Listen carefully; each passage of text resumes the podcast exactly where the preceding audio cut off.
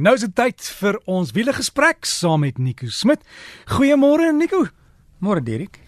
Ons praat vandag bietjie oor uh, hoekom alle voertuie dieselfde lyk. Like, ons het nou eendag het ek en jy net ehm um, gesels oor hoekom lyk like alle voertuie vandag dieselfde en die realiteit is ehm um, dit dis die geval baie ons sal ook sê die voertuie lyk like anders maar ehm um, inherënt as jy na die voertuig kyk, twee ligte voor, twee ligte agter, ehm um, 'n sekere ontwerp en en daar's nogal redelik baie redes ehm um, vir dit. Ek mag ek raai die windtunnel, die toets. Ek dink die windtunnel is is het, 'n klein mate van dit aan want die vervaardigers natuurlik wil hê hoe hoe, hoe gladder die kan as kom ons nou met so hoe beter die lug oor die voertuig vloei, ehm um, hoe laer is die brandstofverbruik, hoe laer is die uitlaatgasse Ehm um, hoe vinniger is die topspoed, hoe vinniger is die 0 tot 100. So hoe hoe hoe beter daai daai daai daai die lug oor die voertuig vloei, hoe hoe beter is dit vir 'n vervaardiger. Maar 'n groot gedeelte daarvan is eintlik mode. As ons kyk na ehm um, kyk na die 1960s hoe die voertuie gelyk het met sulke ja, sulke vlekkies en toe 70s en 80s sulke baie vierkantige voertuie.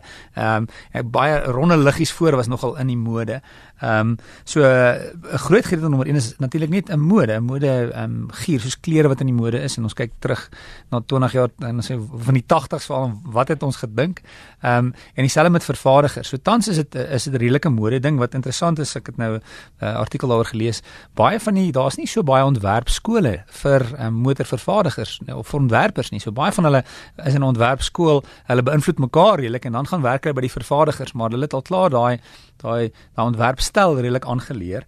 Ehm um, natuurlik ehm um, 'n ander gedeelte is ook baie voertuie het het het 'n geskiedenis en hulle is bekend daarvoor. Kom ons kyk na 'n Volkswagen Golf. 'n uh, 'n uh, Golf is is lyk like, uh, weet 'n sekere manier 'n sekere stilering en hulle wil nie daai gedeelte verloor om om hom nou anders te laat lyk nie want mense ken hom 'n uh, uh, Porsche 911. Um, hy lyk op 'n sekere manier en baie mense sê hoor dis baie vervelig die kar lyk altyd dieselfde. Maar die vervaardiger wil ook nie dit verloor die daai uniekheid van die ontwerp nie. So dis 'n groot gedeelte. En dan natuurlik is daar net net baie reëls wat wat wat wat wat actually wat wat wat sê luister die voertuig moet so lyk as gevolg van veiligheid. So ehm um, die voertuigvervaardigers het ook sekerre reëls wat hulle dan moet volg as hulle 'n uh, voertuig ontwerp. So die eerste ding is byvoorbeeld die die persone wat die die die binneruimte moet seker groot te wees. As jy kyk na kom ons kyk na Magnum. Uh, ek weet nie of jy onthou Magnum het redelik bo sy Ferrari 308 uitgesit. Hy was die dak was nooit af nie want hy was net te lank vir die kar. Hy het nie in die kar gemaklik gepas nie. So die eerste basiese ding vir 'n vervaardiger is om seker te maak dat daar's 'n minimum hoogtes en maksimum hoogtes en maksimum hoogte persone kan maklik inpas. Ja, soos Kobus Wiese in 'n smart. ja, hy droom teen die smart. So dis presies dit. Jy moet seker maak dat maar al is dit 'n klein karretjie moet jy 'n sekere grootte hê. En dan natuurlik net die afstand um, van die voor tot agter in die kar. Dit bepaal die kategorie waarin die kar pas. As die voertuig bietjie langer is, is hy in 'n volgende kategorie. So die vervaardigers wil dan seker maak jy pas in daai sekere um, lengte in om seker te maak jy is in 'n sekere klas van voertuig. En dan is daar baie reëls as gevolg wat wat sê ligte. Ehm um, so die ligte moet byvoorbeeld ehm um, 'n 'n 'n minimum hoogte van 500 mm bo die grond wees en 'n maksimum hoogte van 1.2 meter bo die grond. En hulle mag nie meer as ehm um, 400 mm weg wees van die kant van die voertuig nie. Ehm um, jy mag nie een lig voor byvoorbeeld hê nie. Ehm um, jy moet altyd uh, twee ligte. Natuurlik daai twee ligte kan dan opgedeel word in verskillende deeltjies. Selfs die agterligte uh, het sekere reëls.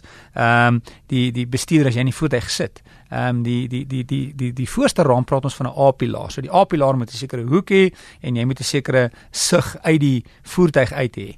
Ehm um, byvoorbeeld in Amerika is hulle baie streng op op op die liggies en die die die flikkerligte. So uh, dit moet geel wees aan die kant van die voertuig. So as jy dan kyk na enige voertuig wat jy in Suid-Afrika ry en jy kyk na die die weergawe in Amerika, dan sal jy altyd aan die kant sien daar's 'n geel ehm um, flikkerliggie want dit is deel van hulle reëls. Ons reëls is is uh, deel van die Europese Unie. So die Europese Unie reëls is dieselfde reëls wat die die kar wat na ons toe kom um, ons ons moet daai reëls volg. So dis 'n groot een van die groot redes hoekom die vervaardigers se karre almal dieselfde lyk like, as omdat daar so baie reëls is wat wat jy moet aan aan voldoen ehm um, voordat jy die voertuig in die mark kan sit. So dis dis ook maar mode en ek dink as ons kyk na 20 jaar, oor 20 jaar ons kyk terug, ons ons kan sien wat die mode toe was.